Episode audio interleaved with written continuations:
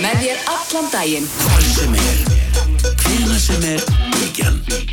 Bilgjan. Sprengisandur á Bilgjunni.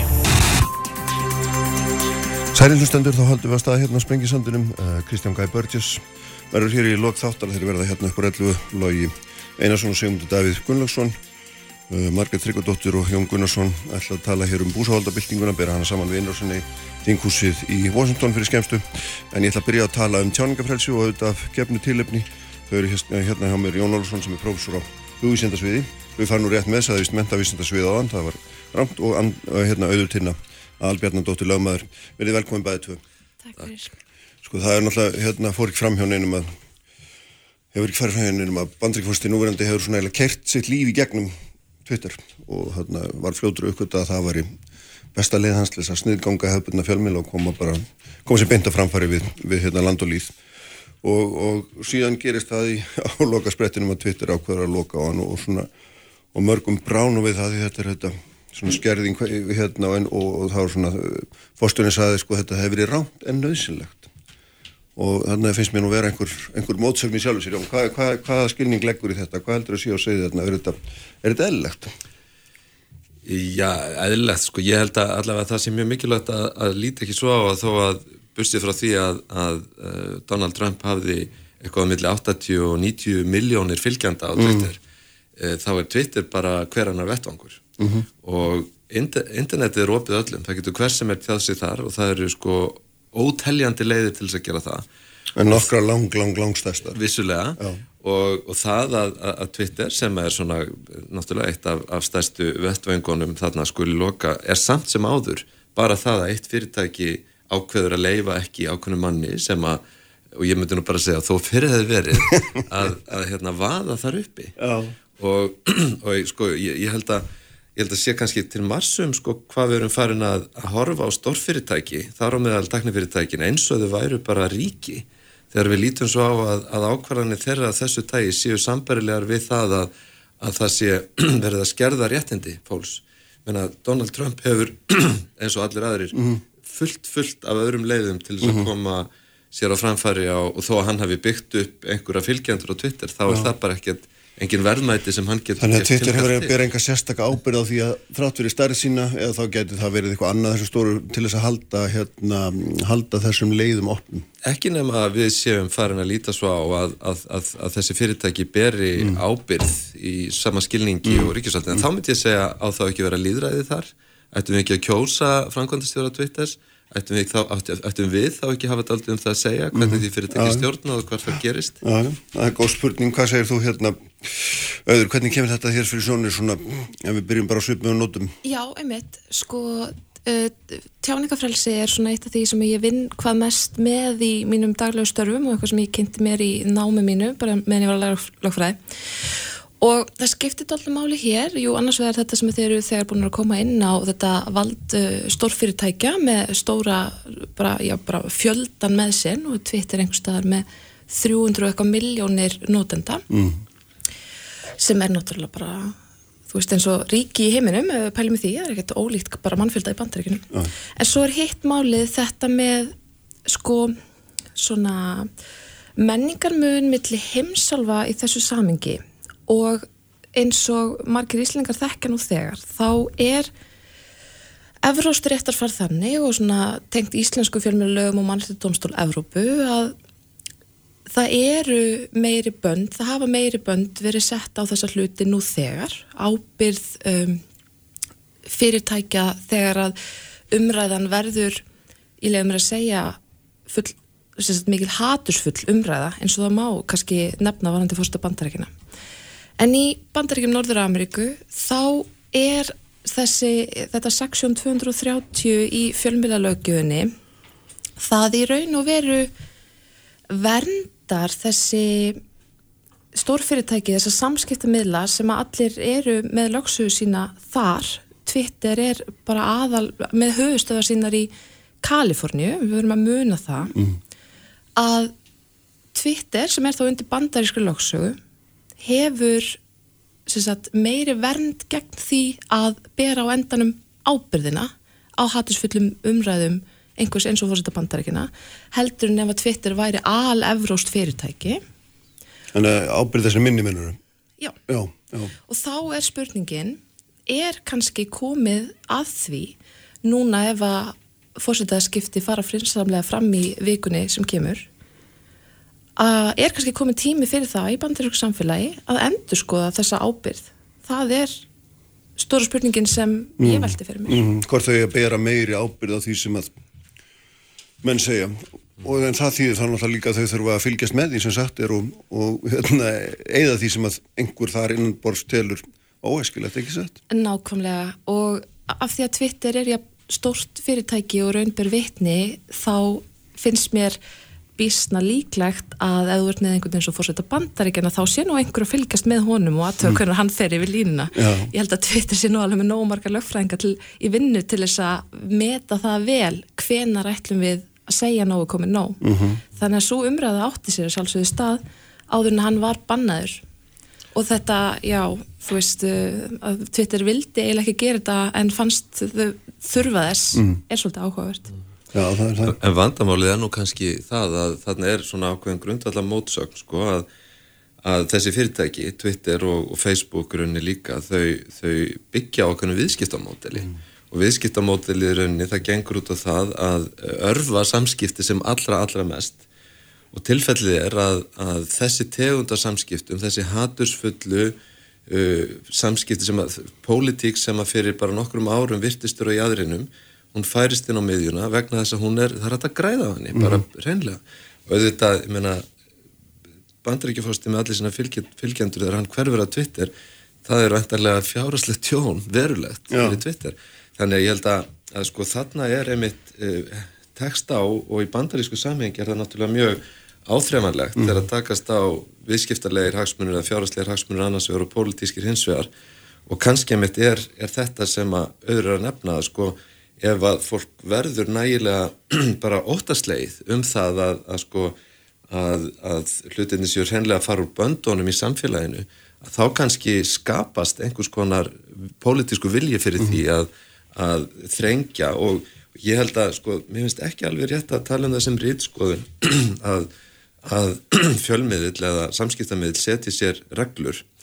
Það eru allir fjölmiðlar með einhverja reglur um hvernig megi koma fram, hvernig megi tala og svo framvegis Trump var ekki hend út af Twitter út af einhverju sem hann gerði utan Twitter. Var það var gert vegna það sem hann saði á Twitter. Mm. og sömulegist þá geta alls konar ílmenni og harstjórar verið á Twitter meðan þeir haga sér á Twitter skiljið, menna þannig að fjölmiðil það hlýtur alltaf að horfa Þannig einræðisherra sem að, hérna, sem að hérna, er segur um aftökur á borgurunum ef hann er bara prúður á Twitter þá má hann verða þar inni. Já, ég meina, ok, þú eru orðað svona þá kannski hikamaður en, Já, en, sko, en, en svona í prinsipinu þá er náttúrulega fjölmiðil hvort sem það er morgunblæðið eða, eða bylgjan eða, eða, eða Twitter hefur einhvers konar gildi og einhvers konar stefnu og, og það að, og rítstjórnastefnu og það að þessu sé framfyllt, það er bara gæðamál, það er ekki rítskoðun eða skert tjáningafrelsi, þó auðvitað verða allir brjálæðir ef einhverju greinar hafnaði í íslensku blaði og tala um skort á tjáningafrelsi sko, það er bara eins og En fullt af fólki hefur náttúrulega verið sko hend út af samfélagsmyndum hér á Ísland út af alls konar ástæðum Já. og hérna mjög saklýslega miða við það sem að margt Já. annað getur maður sagt sko Algjörlega og þetta sem Jón var að vísa til er svolítið þannig að ólíkt fjölmiðlum sem að eru með skýra ábyrða grundvelli fjölmiðla laga þá hafa þessi stórfyrirtæki samfélagsmiðlarnir meira frelsi enn þann dag í dag og þá sérstaklega í bandaríkunum uh, til þess að setja sína eigin notenda skilmála og eins og hann var að vísa til þá er það svolítið þannig að ef þú hagar þér samkvæmt notendaskilmálum þá myndu væntalega fá að vera áfram þarna inni. En ef þú gerir eitthvað sem auðvelt er að benda á að fari í báa við notendaskilmáluna þá er annarkvort hægt að banna þig í nokkra daga eða, eða lengur. Og, og á Íslandi þá þekkjum við náttúrulega vel í alls konar svona samfélagslegum byltingum þegar það stóð til dæmis til að uh, normalísera nekt í átökinu fríður nippul og annað að þá var mjög mikið af, já, ungum konum sérstaklega sem var hent út af Instagram, hent út af Twitter, hent út af Facebook vegna þess að, já, erotískar myndir eða eiga ekki eins og vera erotískar fara í báu við, báu við þessa notendaskilula, þetta þekkjum við vel. Já, nákvæmlega. Þannig að menn, svona, þetta er munum daldi í sjálfsvald sett hvar þeir setja mörkin og það sem að, hérna, og þetta er mjög, svona, það er mikið álita efni hvenar nekt verður er á tísku, hvenar hún er pólitísk tjáning eða, eða eitthvað þess áttar og það er svona líka aldrei merkilegt að ég veist, það, hérna, það er ekkert mjög langt síðan eh, að sko Trump hótaði á Twitter að sprengja ISIS til helvítis. Let's bomb them to hell saði fórst í bandaríkjana í ofnbæri tvíti og enginn kifti sér upp við það, það er líklega því að ISIS er ekki góðgæðnir eða hvað Já, en þá náttúrulega erum við komin í doldið sérstakar stöðu af því að mm. fórseti bandarækjana er nú kannski valda meiri heldur en hver annar Twitter-notandi og hann er nú sennilega með einhvern rauðan takkaðan í einhverju bakherbyggi þar sem hann getur látið verða af þessari hótun sinni. Mm -hmm. Þannig að auðvitað er það svo í tjáningafrælsis uh, umræðinni að við, það er sérstaklega mikilvægt að þeir sem valdið hafa hafi tækifærlega tjá sig og fólk að meðtaka mm -hmm. þá mhm. tjáningu og mynda sér skoðun og annað og þess vegna hefur Twitter vantilega gemt það eins lengi og und var að hendunum út af miðlinum mm. og þá er vantilega þessi staðrind áhugaverð að það eru bara örfáðu dagar í valdaskiptin vonandi Þannig að þá er það kannski skári tímapunktur til þess að loka ámannin mm -hmm. þegar hann er að missa völdin þegar það er annar að fara að taka við. Mm. En það er svona, sko, maður, ég veit ekki, maður horfir til, af því að, hérna, auðvitað nefndi Evrópa, ef maður horfir til Þískaland, þá er, er bókstæðilega bannað að, mm að, hérna, að hylla Adolf Hitler á ofinbjörnum vettvangi, það er bara ólöglegt og og, hérna, og, það, og, ég held að enginn aðmist í sjálfu sér við því en fjöldi, fjöldi fólks heldur hinn og samt fram í bakherbyggjum eitthvað staðar að helfurinn hafi ekki átt sér stað og svo framvegis. Og það er þetta svona spurning sko á að berjast með, ef við kallum þetta ránkugminn, við skulum gera það uh, dellu, vittlisu, að þá að berjast hana, við hana með uh, fræðslu eða þess aftar mm. eða, eða lokunum Já, ég minna að sko Þískalandur er þetta aldrei sérstakt uh, dæmi mm. bara út af þeim hörmungum sem að þjóðverjar leittu yfir allan heiminn á sínu tíma og, og kannski, kannski erfitt að, að leggja það í öfnu við samsvarandi bönn annar staðar en auðvitað stöndum við aldrei fram yfir þessari spurningu þegar að, að, hérna, að það er svona ofbóðslegt flæði já, er það upplýsingar mm. réttar upplýsingar, ángar upplýsingar og svo framvegis og og, og hérna og það virðist eh, sko að vera voðalega erfitt að, að hérna bara fyrir uh, segjum hérna góða, vandaða, rétt sína fjölmiðla að halda velli í öllu þessu og, og ég held nú samt sem aður sko að, að hérna þegar að fólk panikerar yfir þessu sem er kallað upplýsinga óreða sem ég finnst reyndar alveg óþólandi orð, það er svo mikið tróki í því sko uh, hérna að þá það verður þessi panik sko, við verðum að gera eitthvað strax annars bara reynur heimurinn eftir mm. tvö árið eitthvað sko. Mm -hmm. ég held að þetta sé þetta sé aldrei svona uh, þessi ágætt að horfa aðeins til fórtíðarinnar og sjá hvað hefur nú gerst áður sko, og hugsa til þess að, að reynsla af þessu tægi er ekki alveg ný þó hún sé aldrei dramatísk í dag og svarið er í rauninni alltaf þetta að það þarf að auka krítiska möguleika fólks til þess að takast á við sitt umhverfi, skilja það og greina það og, og ég meina þetta er bara það sem við þurfum að kenna börnunum okkar, mm. þetta skólarnir þurfum að bregðast við þess að fólk þarf að kunna meta og kunna að sko bregðast við blekkingum, ég meina eitt er, eitt eru orð sem að flæða á netinu sem að eru svo sem sko ekki endilega það, það vesta hitt er bara hvernig þetta að laga til myndmál og búa til hérna deepfake og hvað þetta er. Það sem mm. að það er ekki nokkur leið tæknilega að gera greinamun á uh, því sem er uh, blekking og því sem er raunveruleiki. Þannig að, að sko það sem að bara allir standa frammi fyrir í dag svona áskoranirnar um að, að sko hafa evasendir mm -hmm. og hugsa sig um áður en maður tekur eitthvað gild eru bara svo rosalega og þetta er held ég það sem að skiptir langmæstu máli og það er ekki það er ekki þannig að, að hérna, Twitter og Facebook séu að setja heiminn í algjöru upplaust sko. þó að vissulega það sem er að gerast í bandaríkjónu núna mm -hmm. er náttúrulega ótrúlega eh, hérna, það er ótrúlega erfitt að fylgjast með þessu ég menna ég, hérna, ég var í bjói sjögur í bandaríkjónum og ég fylgist mjög grann með pólitíkinu þar og gert mjög lengi og, og sko allt sem hefur gerst hefur verið þannig að maður sko fylgist með því að áhuga mm. og aðtegli, jafnvel sko uppganga Trumps en núna þá einhvern veginn sko fyllist maður einhverju sérkjænleiri ömurleika tilfinningu að því að það er, menna við tölum eins og það sé ekki alveg örugt að það fari fram fósitaskipti á miðugundaginn sko. Það er náttúrulega, þannig að þetta er þetta alveg ótrúlegt ástand en það er bundið við bandaríkin. -hmm. og ég meina, Evrópa er ekki nálægt í svona. -hmm. ekki einu sinni Rúsland Já, ég verði að taka undir með, Jóni, með að þetta snýstu þetta mjög mikið um gaggrinna hugsun og, og ég er svo heppin að hafa undanfarin ár svona á kvöldin uh, sint því að vera bortennistjálfari svona eftir að mínum almenna vinnutegi líkur og ég hef mjög mikla trú á hvað ég var að kalla að setja kynnslóðinni, kynnslóðinni sem koma skal í þessu samingi, vegna þess að þau eru að mínum að þetta er mjög flink að greina á milli þess sem er alvöru og þess sem er platt og það er auðvitað það sem samfélagsmiðlar snúast um.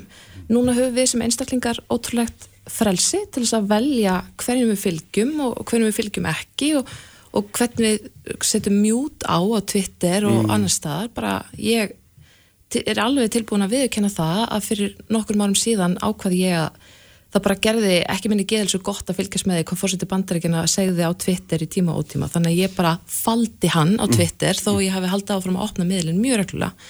Og svo bara fór ég á íslenskar hérna, fjölmjölavefsjöður og las þar samantektir um það versta.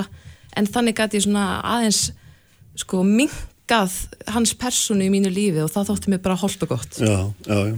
En er þetta sko að því að við, erum, við erum náttúrulega líka að tala um sko ekki bara persónu heldur einhvers konar embætti sem er svona tákn fyrir frelsi, vestrænt líðræði, okkar yfirburði ef ekki að kalla það bara það, einmitt er hins svo kallaði valdamesti maður í heimi og það að fyrirtæki, jafnvel þó að það séu fleiri möguleikar skuli bara taka sér það, það, það vald í raun og veru, segja bara, heyrðu, verður bara útivinnur. Sko, er það ekki bara, bara er það, það, sem að, hérna, það sem að er nú búið að vera að, að, að tönlast á í bandaríska þinginu núna síðustu dag er að enginn sé yfir hafinu yfir lögin, ekki einu sinni fósiti bandaríkjana og eh, menna segir þetta okkur ekki bara það fósiti bandaríkjana er þrátt fyrir allt ef hann haga sér eins og dóni þá er hann meðhandlaður eins og dóni það er eitthvað, eitthvað traustvekjandi við það. En, en síðan kannski en nú líka bara þessi, þessi staða svo sérkjænlega sko og ég held að þessi, menna maður uh, eins og allir vita sem hafa verið eitthvað tími bandaríkjónum sko að hérna það skiptir svo miklu máli hver er í kvítahúsinu og það er alveg sama hvernig er talað. Sko valdamesti maður heims já í einhverjum, einhverjum hérna bara bein, hérna svona orðréttum skilningi en líka móralst vald bandaríkjafórsta er svo gífurlegt.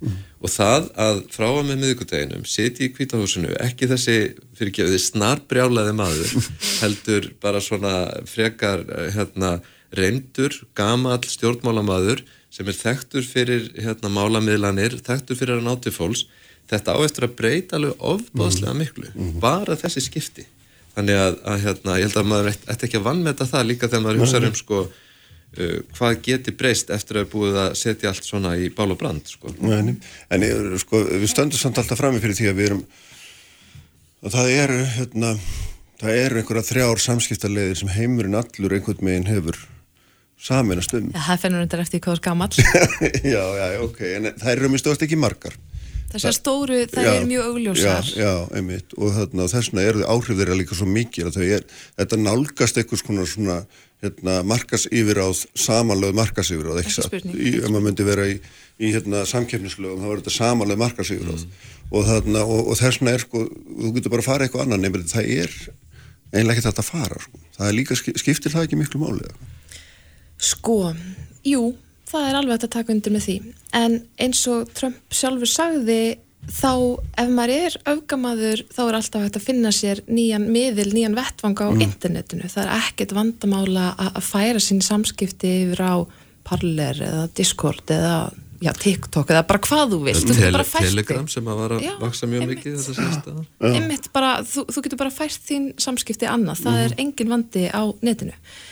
En þetta er alveg rétt sem þú segir að staðarindin er svo að Facebook, Twitter og Instagram eru sérlega valdamiklir samfélagsmiðlar og þá má væntalega segja að ábyrð þessara miðla er mikil og samfélagslega ábyrð þá sérstaklega vegna þess að þetta eru orðnir svo stórir umræðu vettvangar að sko já, þetta er í raun og veru bara orðið svo mikið vald að þetta er næstu bara orðið eins og ríkisvald að þess vegna þurfa þessir samskiptamillar, þessir stór fyrirtæki að vanda sig og vera með sterka innri endurskoðun og, og bara hugsa bara hvað viljum við. Og þar takast þetta á eins og Jón var að segja áðan fjárherslegir harsmunir og bara samfélagslega ábyrð að það selur auðvitað mjög mikið ef að svo kallar valdamesti einstaklingur heims fórseti bandaríkina er alltaf að segja eitthvað rugg á Twitter. Það selur bara mjög mikið. Og þá er það auðvitað jákvægt í fjárherslegu samengi að þessir miðlar hafi hann þar.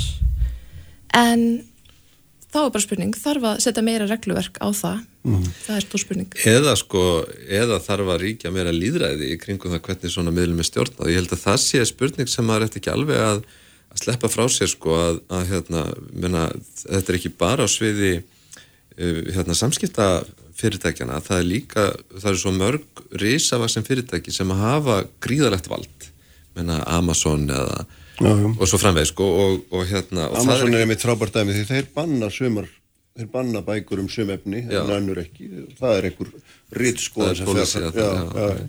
En, en sko, ég meina, það, það er alveg eðlilegt að, að sko gera kröfu talandi um Þískaland, það hafi nú einmitt áratugum saman verið reglur um það í Þískalandi að hvernig stjórnir fyrirtæki eru skipaðar þar sem að til dæmis starfsmenn hafa uh, lögformlega aðkomu og svo framvegis. Og, og það getur bara vel verið að, að eitt af því sem að þyrst að hugsa miklu meira út í er bara líðræðisvæðing viðskiptalífsins. Ef að það er orðið komið í þá stöðu að þurfa að meðhöndla viðskiptavinni eins og borgara eins og það sé ríkisvald að takast á við, við borgara Einmitt og við erum náttúrulega farin að sjá einhvern vísi af því í því formi að það eru svona áfríunardómstólar innan Facebook og annara samskiptamiðla.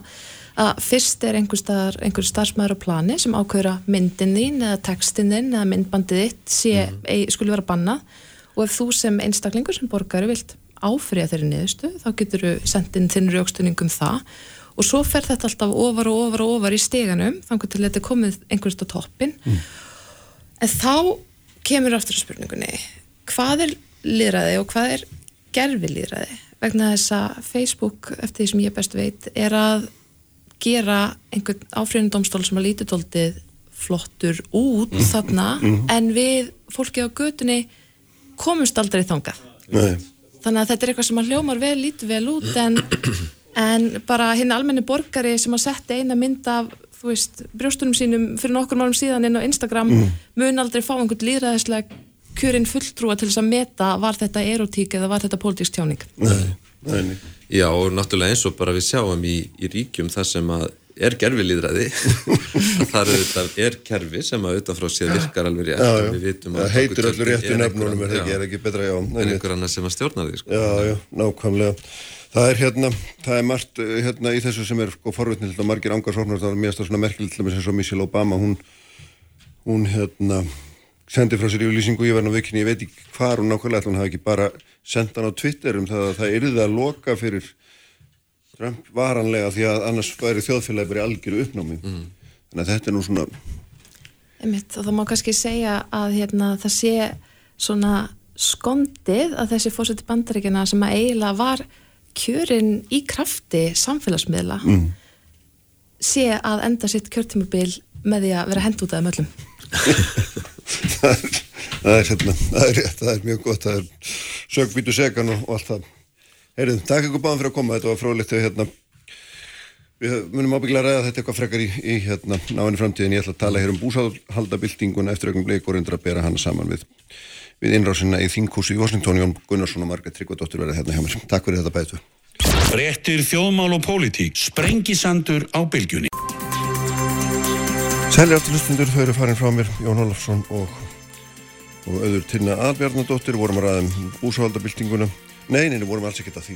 Vorum að ræða um tjáningafrelsið, ætlaði ég nú að segja. Ég ætla að fara að tala um búsahaldabildinguna reyndar núna eftir en hérna Kristján Gæ Börgis verður hérna í lókt þáttar hjá mér og þeir verða hérna líka Sigurd Davíð og Lógi Einarsson. En þau eru sest hjá mér Jón Gunnarsson, alþingismöður og Margrét Tryggvadóttir, rittuhundur og fyrirhandi alþingiskona.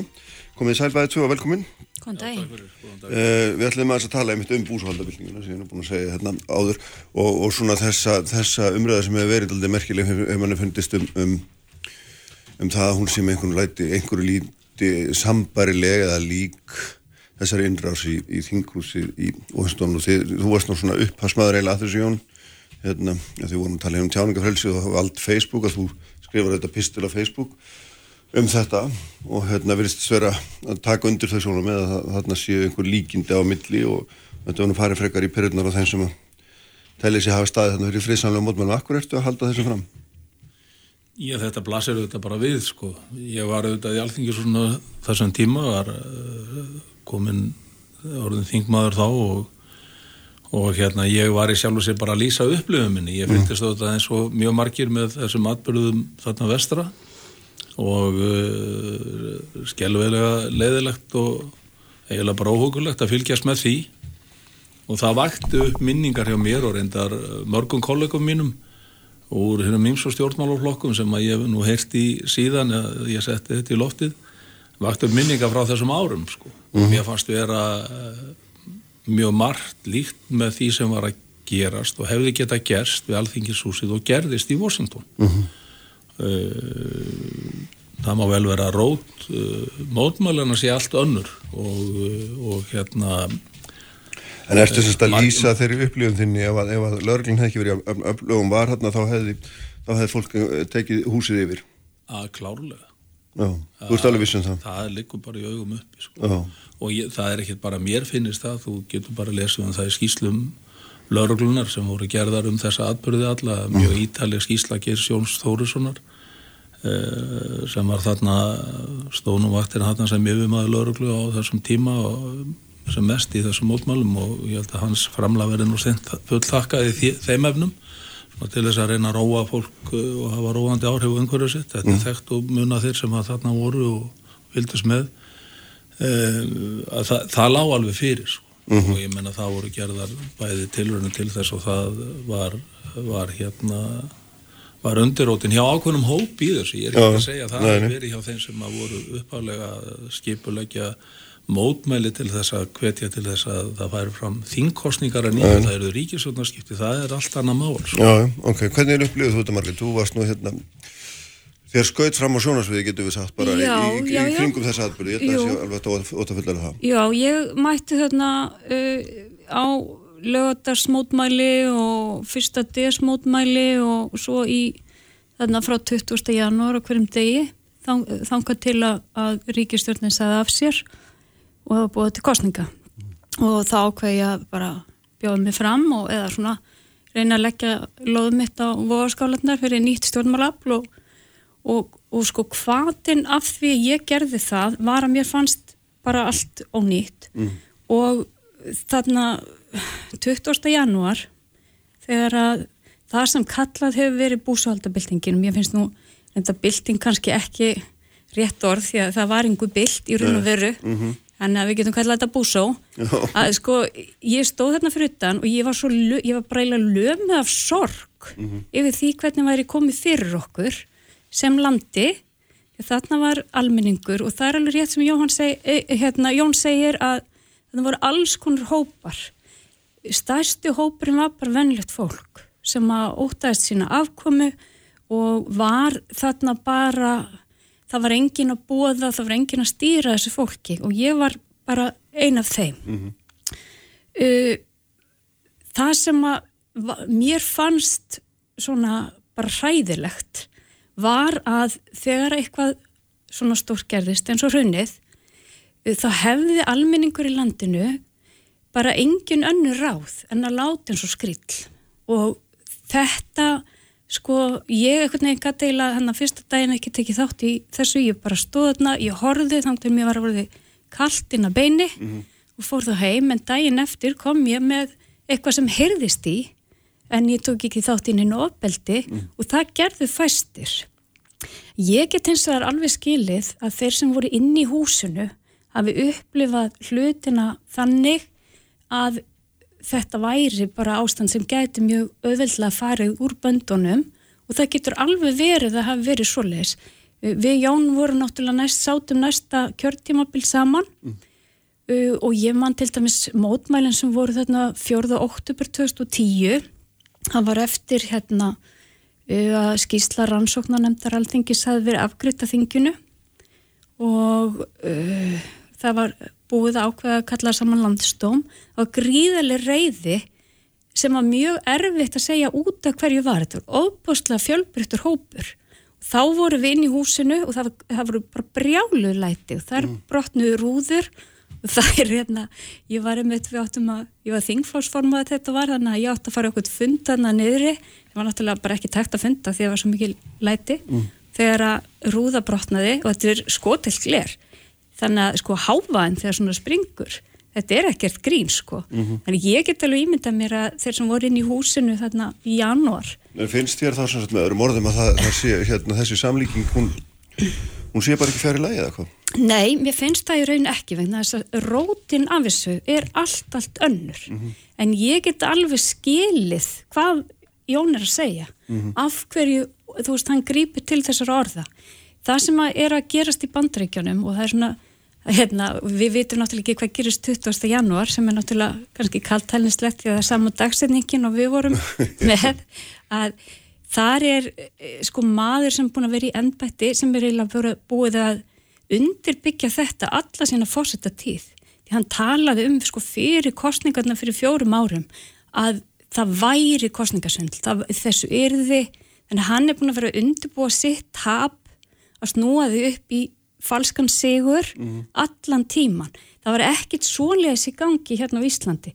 Hér var þetta réttlót reyðir af almennings og það sem er svo sorglegt og hefur ekkit breyst er að þegar eitthvað gerist og almenningur, þú veist, og ég lít svo á að stjórnveld sem er korsin 2007 við hrunið þá hreinlega missað, þú veist, þá er allar forsendur sem þau voru kosin uh, út á, þær eru farnar og þá verður almenningur að hafa einhver líðræðisli tæki mm -hmm. til þess að takast á við breytt og stöðu og það er meðal annars þess vegna sem ég fór til stjórnmál til þess að reyna að koma þeim tækjum á. Oh. Það hefur ekki tekist. Mm. Þannig að ef annar hrun hér kæmi og almenningur er því jafn reyður og hann var þá að það væri við bara í sömu stöðu. Já, og það er náttúrulega og ekkert gert annað og ekkert annað, við höfum engin almenningur verið engin önnur tæki en að láta mm. svo skrill mm. En er ekki svolítið langt til seilstjón þegar þú talar um að það er hægt að sko,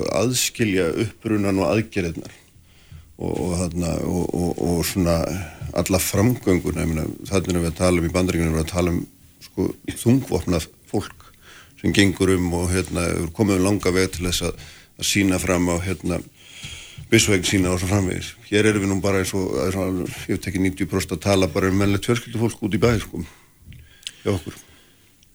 Já, uh, það getur vel verið að, uh, hérna, Þér finnist þetta sko? Já, já nei, mér finnst þetta, ég er að leggja þetta fyrir þessu spurningu sko. En sko, eh, samlíkingin sem að ég sé í þessu er, mm. ég sjálfur sér mjög einföld sko, ég fer ekki í rót mótmælana sko og ég hef engar aðtúa semtur við það að fólk sapni saman á östurvelli til að leggja áherslu á málsitt, það er menn á fjölminni fundi sem voru haldnir víðar eins og í háskóla bí og slíkt sko. En uh, það sem átti sér stað þarna, sérstaklega þessa helgi þarna í kringum 20. janúar var með því, því líkum ólíkjendum að uh, það á uh, það að mínumati í fullu fullu samanburðar hæft við það sem átti sér stað í bandaríkjónum mm -hmm. vissulega var fólk ekki þungvopnað á Östuvelli en þetta var miklu meira heldur en nokkur hundru manns eins og lesa má um í þessari skýslu sem ég vittnaði á þann Eh, lauruglan mata þannig að hún var algjörlega búin að missa tökin á ástandinu. Eh, hún var algjörlega við það að bugast. Eh, við þær aðstæður að þá ringdi yfir lauruglumenn múrsteinum eða gangstjættahellum alls konar óþverra. Mm. golfboltum og slíku þá voru brotna rúður í alþingishúsinu. Ef að það var hend að þeim eldi það var hend eldi að alþingishúsinu ef að það hefði ekki verið skotelt gleri sem margætt kom hér inn á áðan og rúður hefðu brotnað þá hefði öruglega verið hend inn eldi í alþingishúsið við þessar aðstæður í fyrsta skipti síðan 1949 beitti lauruglan tárakassi af því að það voru öll önnur ráð farin menn lágu þarna á göngum alþingis algjörlega yfirbugaðir á sál og líkama mm. lauruglumenninir. Það slösuðust fjöldi lauruglumann og þurfti að leita læknishjálpar eh, hlýfðarfatnaður eins og hjálmar björguðu lífum lauruglumanna. Ef að þeir eru ekki verið eins vel búnir eins og römbur vitni og staðið sinns vel að þá hefði þessa varnir gefið sig, fólki hefði farið þarna inn og það hefðu látist mm -hmm. þarna einhverjir. Þetta er það sem að eh, bara við okkur blasir.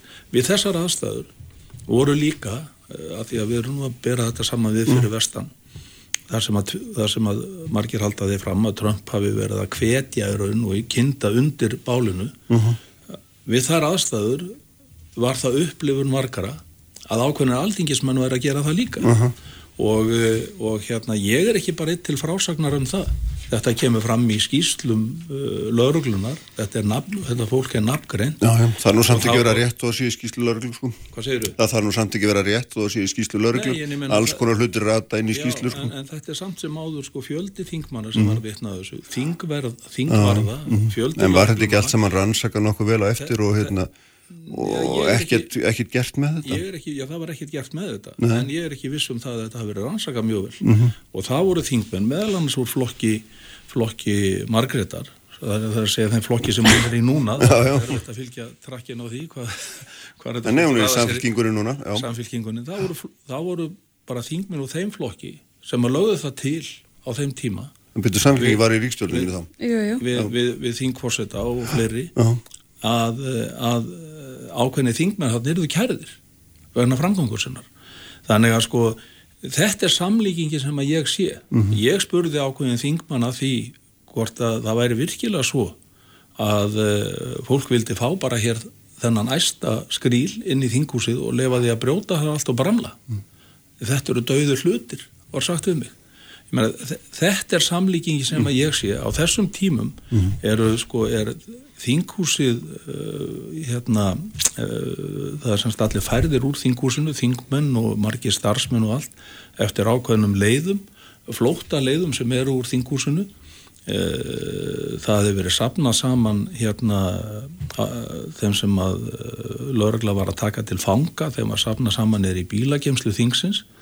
Lögreglan skrifar um það og sér það að að upplýsingar innan úr þingúsinu gera það að verkum að mótmælenda hópurinn hann, hann fer að fylgjast með þessu. Hann, fylg, hann, hann er að reyfa sig til eftir því hvað er að gerast inn í þingúsinu og á sama tíma eru þingmenn, ákveðni þingmenn að reyta ónótum í laurugluna þar sem þeir liggja þarna algjör lifibúðar og maður mm -hmm. bara var stoltur af þessu fólki. Og, og ég veit að þetta, þessi, þetta fólk var stolt af verku sínum að uh -huh. það var, taldi sig vera að uh, sinna þeim skildum sem að það hefði undirrita með eðstafi sínum. Þá var ég vittna til örlunar mm. þetta er það sem ég segi hafi verið algjörlega sambarilegt og þetta verður fólkuðu þetta að kannast við vegna þess að það má vel vera að við þurfum að bæta úr sko skilurðum í samfélagi okkar þannig að það sem margært er að kalla eftir að almenningur geti með einhverjum öðrum ráðum haft áhrif á það að það verið búið til kostning að koma upp svona aðstæður. En við þurfum að allavega með öllum ráðum mm -hmm. að koma í veg fyrir það og svona atbyrður endur takja sig. Og við þurfum líka, það þarf líka að vera alvarlegt, það þarf að við því þurfa að vera afleiðingar ef að í pólitískun tilgangi sem að þetta varu þetta að hluta til hjá einhverjum í þessum hópum fólk er að hvetja til þess að, mm -hmm. að svona gangi fram Var, já, já. aðeins að segja já, sko að að ég held að lauruglun hafi í öllum þessum erfiðu aðstæðum staði sig að mörgulegt mjög vel uh, mér fannst hérna uh, sko það var eins og hérna fyrstu, fyrsta daginn 20. og fram á 21. Eh, svona aðalega 20. að þá kom lauruglun og var miklu sko mætti þessu fólkinu miklu meira afli en ég held ég held að það hafi í raun stuðað hópin mm -hmm. og nú er ég bara að horfa á þetta sko, að ég var þarna, ég var að horfa á þetta uh, svo varð stefnubreiting og það varð eiginlega svona sagt, bara ákveðin uh, samningur, bara milli mótvælanda og lauruglunir um að láta þetta ganga og stoppa uppbeldið það voru mótmælendur, fólk bara gríðarlega hugrætt fólk úr, röðum mótmælenda sem stilti sér upp fyrir framann laurugluna mm -hmm. þegar var verið að gríta gangstíta hellum í lauruglufólk sem er náttúrulega algjörlega óafsakanlegt undir öllum kringumstæðum mm -hmm. ofbeldi er aldrei réttlættanlegt og borgarlega óhlýðni sem að sko er eiginlega e, nöðsynleg, getur verið nöðsynleg mm -hmm. hún má aldrei byggjast á ofbeldi og það er bara hlut af skilgrinningunni á borgarlega mm -hmm. óhlýðni að hún sé ekki ofbeldi þannig að, að en sko fannst mér sko mótmælendur og lögurlega finna taktinn ég að lauruglan var ekki óvinnurinn en hún var nöðsynlega og en sko þessi skýrsla ég bara veka aðtikla á því. Sko mér fannst Geirjón Þórisson standa að mörguleiti ofsalega vel þarna. Hann kom svona föðurlögur og öllum mótmælunum talaði niður og gæti róa fólk niður. Mm -hmm. en þessi skýrsla hún náttúrulega allir því að ríki þurft að greiða skadabætur þannig að þar komið fram bara rángar upplýsingar um nafngremt fólk. Og ég til dæmis er í henni þar sem ég bara sögð hafa gengið eitthvað, veist, af hverju verið að segja það? Hún er ekki góð, Gerjón var frábærlögga, hann var ekki góð skýsluhundur uh -huh. bara uh -huh. þannig að veist, mm. þetta er ekki þetta er ekki dendilega besta heimildin um það sem þetta var, en nóg hefur verið skrifað skýslu getur auðvitað uh, margt ratað inn sko en, en uh, megin uh, ströymurinn í henni held ég að sé nú bara mjög mm. góður og saman Já En sko, hérna, að því að í bandregnum er þetta þannig að, að fólk safnast þetta saman frá þingusu, ef að þar hefði verið þungofnu laurugla, þá hefði nú máli lítið, gert mjög lítið og sjálfsagt og, og hérna, og, og svona, en af því að möguleikin skapast, þá verður til þetta, þetta ástand. En finnst þér sjálfri að, að þú varst þarna, er hérna, finnst þér það þá eins og Jóni að, að ef að lögurglun hefði ekki verið með þennan þunga að fólk hefði vaðið inn í þingus og tekið það yfir? Nei, mér, ég held ekki og ég held að mest einu kannski mistökinn sem lögurglan uh, gerði hennar fyrsta dag mm. Og, og, og mér fannst alls ekki vera hína dagana. Var að til dæmis handtaka ykkur að krakka og láta það sitja nýri bílakjallara uh, í marga marga klukkutíma. Þannig góti ekki eins og fara á klósettið. Mm. Uh, og það var sko einhvern veginn ákveðin og það voru eitthvað sögur, ég veit ekki hvort það er rétt að löglun hafi farið til Danmörku og lært einhver triks sem að hafa nýbúið að vera þarna lofslagsrátstemna í Kaupmannahöfn sem ætti mikla aðtökli og það var svona svipaður bragur á þessu þennan mm. fyrsta dag eftir að mótmælutu stilti sér upp fyrir framann uh, löglun á vörðuna að það, það var allt svona bara búið og hérna 21. januar þá var til dæmis uh, útför í domkirkjunni og þá sagði, þú veist þetta má lesa um í skíslu Geir Jóns þá sagði löglan, heyrðu ef ekki bara veist, hætta hérna í smá tíma mm -hmm. og hópurinn fór upp í stjórnarað þannig að þú veist þetta var ekki mér, ég upplifði þetta fyrir utan fyrsta daginn sem mjög yfirveguð mótmæli sem litur alveg svaðala út, enga mm -hmm. síður. En, en auðvitað er, sko, þetta var alls konar hópar uh, og þegar er fætingur þá náttúrulega koma uh, kemur fólk sem hefur ekkit sérstaklega hérna uh, frómar hugsanir og, já, hérna, og ég menna það er náttúrulega kom þarna fullt af fólki sem að langaði bara í slag við löguna já, við vitum það alveg en það var, fólk var ekkit endilega að mm -hmm. mótmæla hruninu mm -hmm. Ég það er að draga upp á þessu einhverja romantíska mynd sko mm -hmm. og uh, það, það var svolítið gert í þessu búsáhaldabildingin og, og hérna eitthvað svona orð fundin upp í þessu samengi sko og eh, ég meina ég ítrekka það enn og aftur, ég er ekki ekki rættu að sendur við þorra fólks sem að þarna var, ég þekkti þarna fullt af fólki bara úr mínum stjórnmálufólki mm -hmm. sem var komin nýra á Östuvöld ég þekkti líka fólk í ymmit í þeim hópi sem að steg fram fyrir lörgluna og saði hingað og ekki lengra sko, við ætlum að ganga hér í lið með lauruglunni mm -hmm. sem að hafði mjög mikil áhrif og, og var til góðs þessir, uh, voru ekki gulvestungar eða óransvestungar? Já, það er enda kom eftir á Já. að fólk fóra að merkja sem er appi sínu gulu og til þess að, að hérna, aukjana sig þessu. Já, aukjana sig að væri að, sko, án ábeldis en, en, en eftir bara stendur þetta sko að eh, handtaka einhver börn sko eða unglinga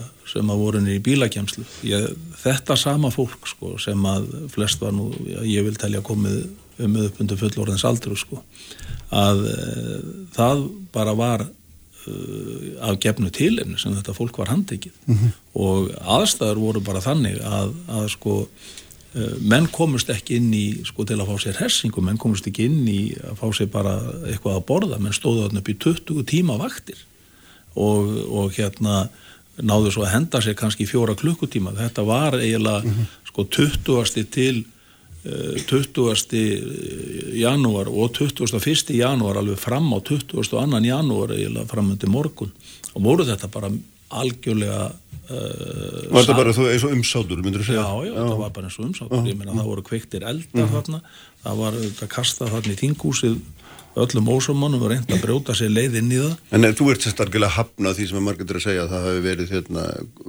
komið skikkur á þetta fljóðlega.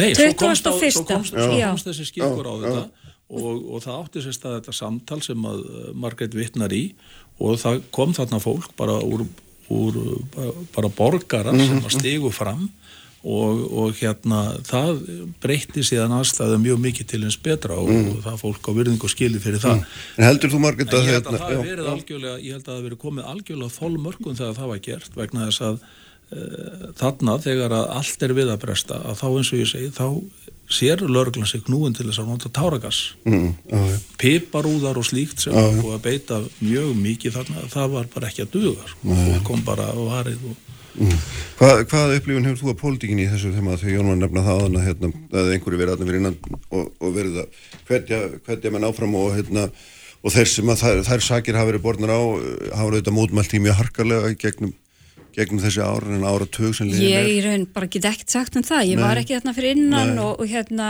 En þú hefur nú eh, talað um þetta og verið í félagi við þetta fólk Já, já, já, mér, já. Eh, ég, sko, ég held að það, sko, ef það hefur verið, þá held ég að ekki skipt sköpum og ég held að þessir hópar, bæði, sko, þeir sem að voru með mestu ofbeldi, það var bara fólk sem langaði í fæting. Ég held að hafi verið þannig. Uh, þeir hópar sem að voru af mótmæl, svona skilgrendum mótmælundum sem voru, hérna, það var hópur sem skilgrendi sig anarkista sem hafi verið að, hérna, og mætti með grímur, hefði fallið náttúrulega bara í hópi núna hérna, og hefði mætti á þessi laugadagsmótmæli Hörður Tó- Torfarsson hefði beð það fólk um að fjarlæga grímurnar og vera ekki, veist, þar. Og það, alþengis hafði verið grýtt áður með súrmjólk og eggjum og slíku á þessum laugadagsmótmælum eða eftir þau öllu heldur. Og sko, ég held að sá hópur hafi langað að skapa svolítið glundur á það. Mhm. uh, ég var ekki þar og, og get ekki tjáð með um það og ég get all, þú veist, ég allavega og þorri fólks var þarna vorum ekki að hlýða skipunum frá Alfið Ingadóttur gegn glerúður og síma. Nei. var ekki til að byrta myndir í fjóluböðlum af uh, mótmæla skiltum inn á skristofu alltingisflokks uh, já stjórnmáluflokks en hérna uh, sem að sjálfur sér þarf ekki að tega skilt við þessi grófu mótmæli sko. en uh, þetta var bara staðan og þetta var nú bara þessi einfalda svona samlíking sem ég Já. setti á hún hefur vakið aðtegli og, og það tekur fólk til varna og upplifið þetta ekki með þessum hætti og og hérna uh, það eru þetta eins og Margrét segir og ég tek alveg undir það þetta var ekki þetta var ekki hérna, þetta var bara ákveði mengi af þessum hóp sem þarna var. Það er, í, al, það er að samaskapi alveg sambarilegt við það sem átti þessi staði bandaríkjónum þar sem að uh, yfir 70 miljónir kusu Trump eh, svo fyrirlega sem manni finnst það geta verið sko. En það var samt þannig. Eh, það eru þetta bara mjög lítið mengi sem að stendur fyrir þessum uh, óverðum síðan og ræðist inn í þingúsið mm. í Washington. Og lauruglan verðist hafa þar verið algjörlega óundi búin til þess að Og það var náttúrulega augljóslega ekki tilviljun. það, það var alveg augljóslega ekki verið, ég ætla ekki að leggja dóma á það sko, en, en í okkar tilfellu var lauruglan tilbúin. Og hún var, hún, en þó kom þetta þeim í opna skjöldu hversu alvarlegt þetta og rætt og alvarlega þetta þróaðist og það var til þess að það voru kallaðir til lauruglusveitir hér úr uh, af landsbyðinni já. og fluttar í bæinn og, og gripi til uh, hérna búnaðar sem aldrei hafði verið notaðir í sín áður. Sko, hérna, og svo, þeir, þeir, að því að við mennst á Danmörku sko, já.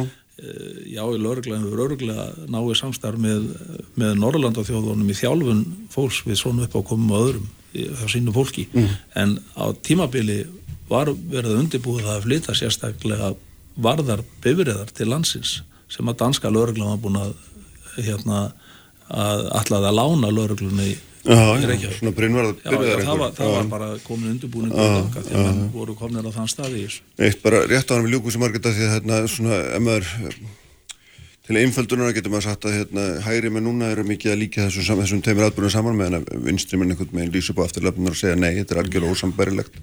En þú ert einhvern veginn hann að milli eða hvað? Sko, ég myndi ekki vilja að svona atbyrður ætti sér stað aftur en ég óttast að ef að, þú veist, ef að það yrðu eitthvað, gerðist eitthvað sem að myndi skapa sambarlega reyði í samfélaginu að þá er engin önnur leið. Við erum ekki ennþá með neina líðræðislega kosti til að leysa úr svona deilu og það er gríðarlega alvarlegt og býður hættunni heim. Ég myndi vilja horfa á það þannig, það er verkefni framöndan, hitt hitt eru söguleg hérna atriði og uh, sagan er náttúrulega alltaf í endurskoðun og fer svolítið eftir hver horfir og á henni er líka margar hliðar. Mm.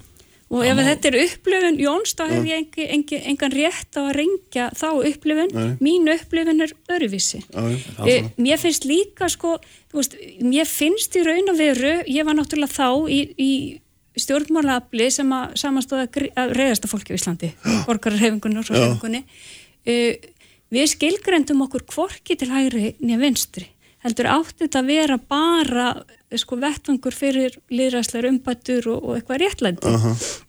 Uh, þannig að ég, sko, ég horfði aldrei á þetta sem hægri vinstri, við vorum ekki með reyna hægri stjórn, við vorum með samfélkingu og, og hérna Sjálfstæðisflokk, já. sjálfstæðisflokkin saman uh, þannig ég held ekki en hins vegar náttúrulega var hrunið auðvitað svolítið kapitalismu eða maður að kenna sko.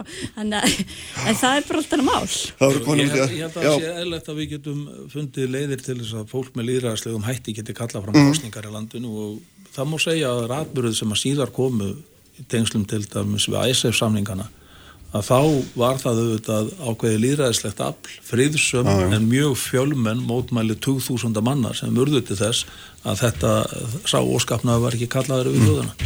herðu, ljómandi gott, takk bæði tvö Jón og Margrét, hérna Takk sem þeir verða hjá mér Lógi Einarsson og Sigmundur Davík Gunnarsson eftir ögnablík Sprengisandur á bylgjunni alla sunnundasmórna.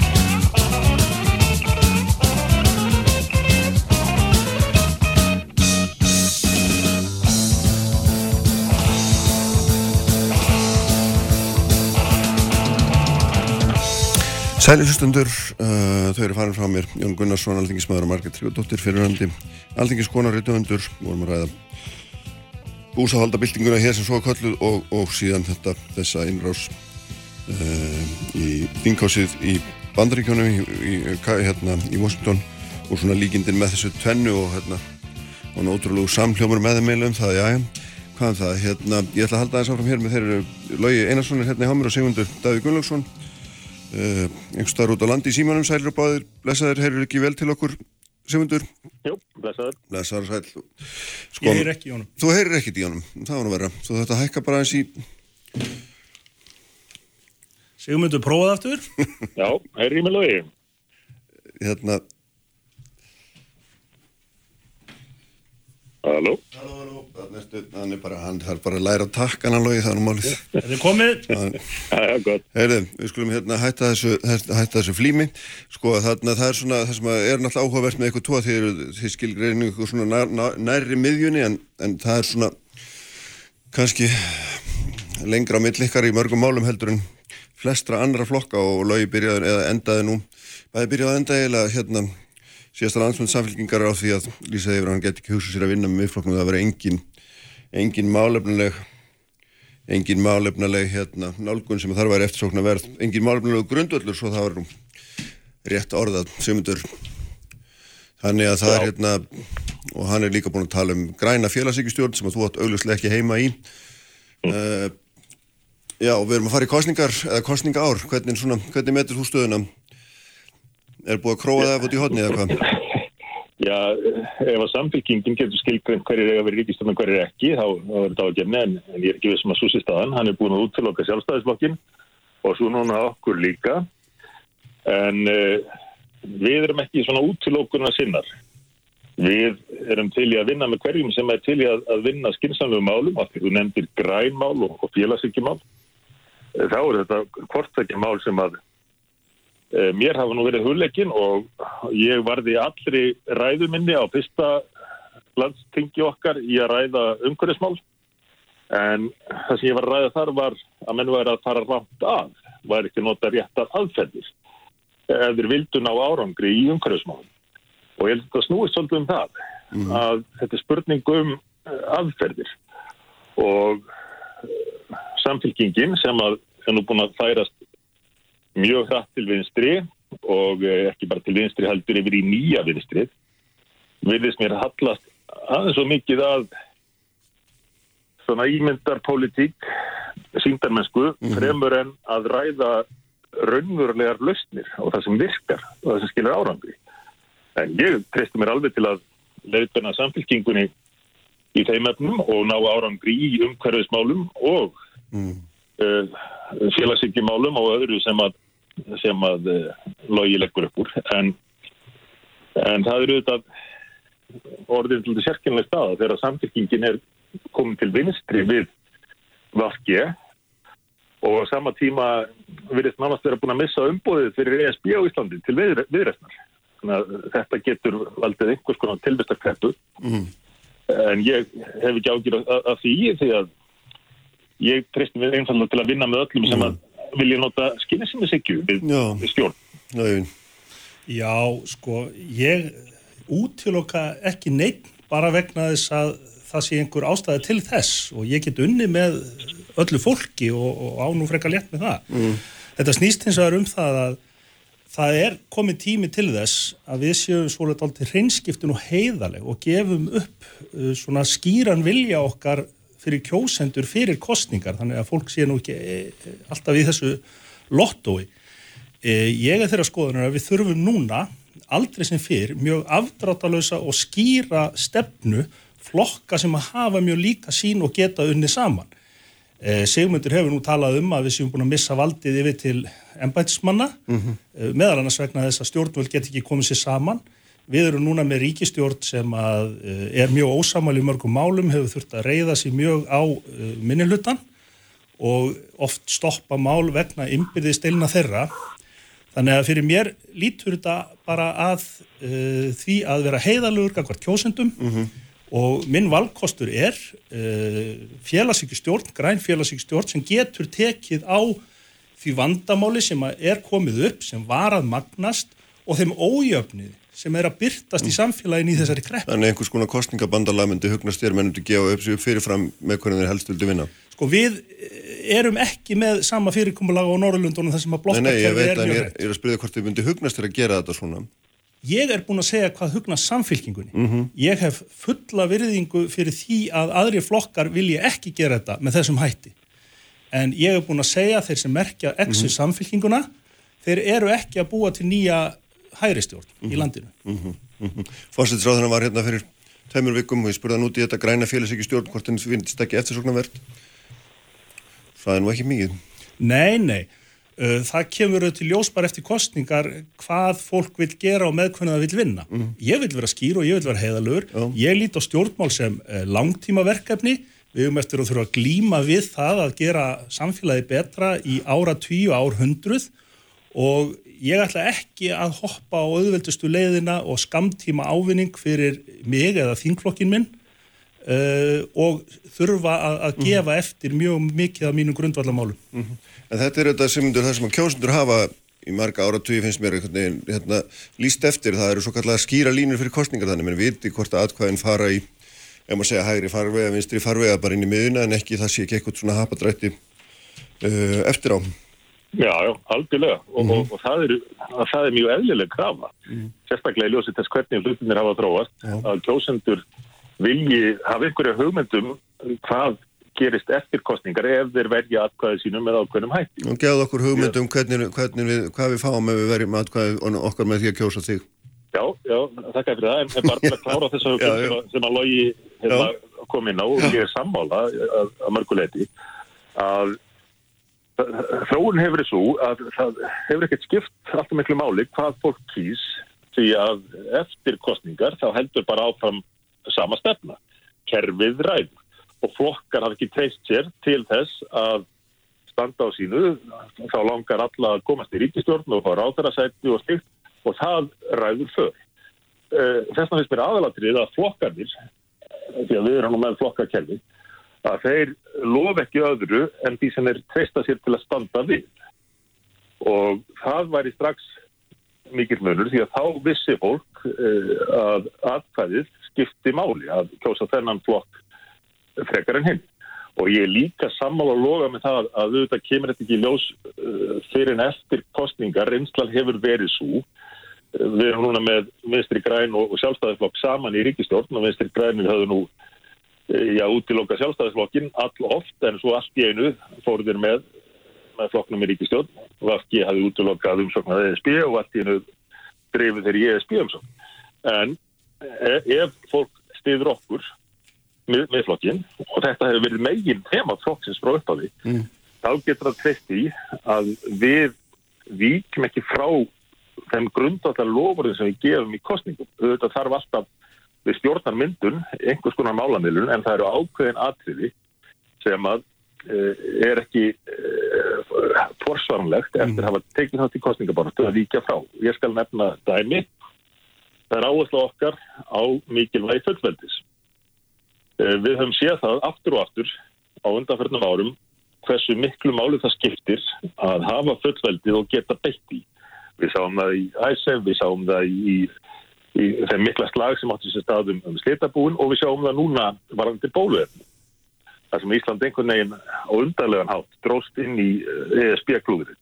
Það meðan að landi eins og Ísrael sem að nýtti sér fullveldið sér rétt sinn til þess að hugsa um hagsmunni síns lands og það sem hentaði því eh, hefur náð meiri árangri en, en önnur land og, og, og með þess að breyta En Sigmundur, þetta, þetta, er, þetta er svakaleg krísivíku leið sem þú ert farin að fara því að svara spurninginu um hvaða, hérna, sem að, hérna, hvaða flokkum þú myndir helst vilja vinna því ég er að reyna að fiska eftir því að Lói er búin að skilgrina sig og svona þá sem næst honum standa og hann er búin Já. að útiloka ákvæmna kosti og þá er ég að velta fyrir mér, ert þú inn í hinum kostinum og erum við að sjá þessar tvær blokkir takast á, það er það sem ég er að, að reyna að fiska eftir. Já, það var það sem að spyrja um hvað ég vildi, vildi vinna með. Uh, sko, eins og ég sagði hérna Já, já, upphafi, þér. þá erum við ekki útilokunarflokkur. Nei, nei, Uh, en, en auðvitað, eh, svona eins og staðan er núna, þá, þá eru ákveðin flokkar sem eru ólíklegir en aðrir til að vi- vilja uh, vinna með okkur að, að okkar nálgun, okkar stefnu. En, en ég held að væri mjög óskynsamlegt að útiloka eh, flokka eða menn fyrirfram. ok, ekki útiloka neitt, en dag, mér, þá. Já. ekki útiloka neitt, en segðu mér hver er æskilegastur. Það gildir það sama um það. Við þurfum að gefa öllum séns en hafa fyrirvara gangvart öllum um leið. Eh, Því að e- ef við förum í, í þessa blokkamyndun eins og við höfum séð á Norðurlandum þá e- erum við í rauninni farin í, í tekjaflokka kerfi sem að ég held að sé ekki eh, æskilegt Eh, og, eh, og, og það takmarkar mjög svigrum fólk sem að vill taka þátt í stjórnmálum í flokkunum til þess að hafa áhrif, koma sin, sinni sín á, á framfæri ef maður ætlar fyrir kostningar að fara að líta til afstöðu annara flokka. Já, sé, Flokk, já, hver flokkur þarf að taka afstöðu til mála og hlósindur til að geta treyst í að þá flokkur Já. muni berjast fyrir þeim málum. Sigmundur minn kæri, þú ert sko farin krísíkulegina öðrum en svo tilbaka aftur núna, en ég er hérna, hva, hva, Ég, hver, ég, ég skil ekki alveg hvað þetta meina Kristján því að þetta er tiltölu einfalt að, að, að mínu veiti þú vilt uh, greinilega fá tvær fylkingar fyrir kostningar en uh, það er bara ekki ekki, ekki raunhætt því að við höfum á margan hátt í miðfloknum já, uh, skorið okkur úr með skýrri sín, skinnsemi stefnu og prinsipstefnu og það er kannski vandamál stjórnmáluna og ég kom aðeins inn á þetta áðan Já. að það skortir öll prinsip en ef fólk getur treyst í Ok, að flokkar já. ætli sér raunverulega ná því sem Mm. þeir bóða uh, þá þarfstu ekki á, á uh, tveimur fylkingum eða tveimur flokkum fyrir kostningar að halda Og já, Sigmundur talar um að hann aðhælli skynnsemishyggju en hann afneitar nú að stórun hluta sko rökum vísindamanna fyrir aðgerðum í loftlasmálum.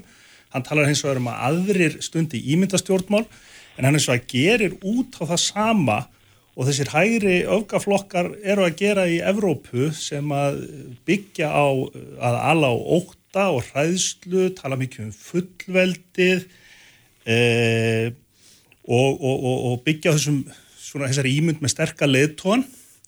Sko það er margt sem að ég get séð í stefnu uh, miðflokksins á heimasíðura sem að er fallega orðuð. Uh, þetta snýst svo hins vegar en það hvernig menn tólka hlutina og ég veit það að við höfum mjög ólíka sín í skattamálum þannig að við munum ekki fara sömu leið að markmiðuna minnstakosti og, og hérna þó að hann vilji meina að það sé það sama og við erum með. Í umhverfismálum þá segir skýrt í stefnum flokksans að hann vilji ef að færi gæfist, mm. vinna ólíu og gas, það viljum við ekki. Ég meina hann hefur talað með ákveðnum hættu um álverinn og, og það er að horfa á heildarsamhengið og við hefum að keira á þeim áfram. Hann hefur talað niður borgarlína, hann hefur alltaf hugmyndur um ég en ég til dæmis í, í, í þeirra kemur að skiplasmálum. Í mannrettamálum til dæmis þá talar hann um kynjajabrétti, hann talar um réttindi hinsegins fólks og hann talar um flótafólk. Mm. En í þinginu og í atkvæðagreislum þá hafa þeir lags gegn þungunarofi, þeir hafa lags gegn jöfnun kynja í stjórnum fyrirtækja, þeir hafa greitt atkvæðu öðruvísi við um kynrætt sjálfræði. Í auðtæringsmálum er náttúrulega bara augljóst á meðan að ég tel að mannkinnir geti ekki ráði við áskoranir samtímas öðruvísi heldur en í mjög miklu samstarfi, þá vil hann einangra sér frekar. Þegar kemur að viðskiptum þá vill hann í rauninni fara aðra leiðin við, hann vill líka stunda einágrunn í skjóli totla uh, og svona getum við haldið lengi, lengi mm. áfram. Mm. Þannig að það er alveg sama þó að, þó að í, í landsfundar álíktunum séu hlutir um hitt og þetta sem á samhljóm við það sem við erum að tala um. Mm. Að þá vill hann greinilega beita sér öðruvísi til þess að ná þeim markmiðum og mér finnst að vera bara heiðalegt, gagvart mínum kjósendum að segja ef þið kjósi samfélkinguna mm -hmm. þá munum við reyna að mynda svona stjórn en ekki svona mm -hmm. Og ég bara afnita því að þetta sé eitthvað spurningum uh, tveggjaflokka kerfi á endanum vegna þess að, að, að þjóð með átta flokka þá kunna allir sem hafa einhverju undirstöðu í starfræði að það eru ímsar ímsmunstur sem hægt er að raða saman. Mm -hmm. Sjöfundur, Anna hérna dráð hann upp mjög skarpa anstæðmyndingar. já, já sko, þetta var nægilega allt rámt til að loga í, í tilhörun hans til þess að skilgreina miðflokkin. Okay. En það sem að stóð upp úr var vandi nýja viðstrísins sem ég sá að þetta snýst allt um stimplana, um umbúðirnar, frekar en innihaldið. Að nefna tiltekinn mál en það má ekki ræða aðferðirnar eða, eða löstinnar. Jú, ég var að nefna það er. Ég var að nefna aðferðirnar í þinginu þegar þið greiði aðkvæði. Uh, akkurat, þau gerir það ekki, þau byggir á umbúðunum Nein. frekar en innihaldinu. Til að mynda segir logi sko, að, að það að tala um fullveldi sé á einhvern hátt með því sé verða ala á óta og, og þetta er áhugjefni að, að það sé á einhvern hátt óta stjórnmál að tala um mikilvægi fullveldis sem að sína okkur þessu látt af leið nýja vinstrið er komið og hann talar um afnitun vísinda. Áherslan hjá mér og okkur hefur einmitt alltaf verið á vísindin að treysta á vísindi í uh, umhverfismálum og svo ég vittni aftur í, í, í ræðu mín á, á fyrsta landingi okkar. Hún stýrist öllum vísindalega nálgun, frekar en umbúðir og frasa. Uh, í skattamálum er við eflaust uh, ósamala já því að samfélkingin viðist engungu vilja hækka skatta og, og leggja á aukingjöld. Varandi vinslu, olju og gass á Ísland ekki að nýta sér auðlindir sínar ef að þær eru til staðar sem að væri þá fyrst og fremst gas því að gas notkun, aukinn gasnotkun hefur skipt meira máli en nokkuð annað við að draga úr losum gróðurhúsaloftegunda. Gasnotkun í stað kólanotkunar. Álverinn, álverinn á Íslandi, að því hann nefndi þau, þau er að skila meiri árangdi í lofslagsmálum en nokkuð annað sem Ísland hefur gert. Sigmundur. Ef, ef eitt álver fyrst til Kína, Já. þá myndir losuninn tífaldast. Borgarlínan er delluverkefni sem mun kosta skattveðendur 20 og 100 miljardar og gera það eitt að, að verkum að, að það verður strengur um, um aðra umferð. Uh, hann nefnir þungunar og við höfum lagt ekki því. Uh, byrju, uh, það, það er ekki verið að ræða inn í haldið. Það er ekki verið að ræða þær breytingar sem verður að gera. Við erum ekki mó, mótfallin póskuröðingum, höfum aldrei haldið því fram en eins og meiri sé að einn af ríkistofnaflokkunum, eða hluti hans, saði þá var þarna gengið of langt og hugsaðum um búðunar en ekki innihaldið. Ég hefði nú... Ekki heldur lagt í jafnrétti. Uh, og þetta er, þetta er svo fáranleg upptalingaloga, ég, ég verð að fá að klara þetta. Já, eldsnökkur. Jafnrétti í, í stjórnum fyrirtækja. Mm. Það er reynda mjög áhugavert að, að nútíma vinstri menn hugsa um jafnrétti fyrst og fremst út frá sko, stjórnarborðinu í fyrirtækjum frekar en raunverulegu jafnrétti fyrir allt fólk.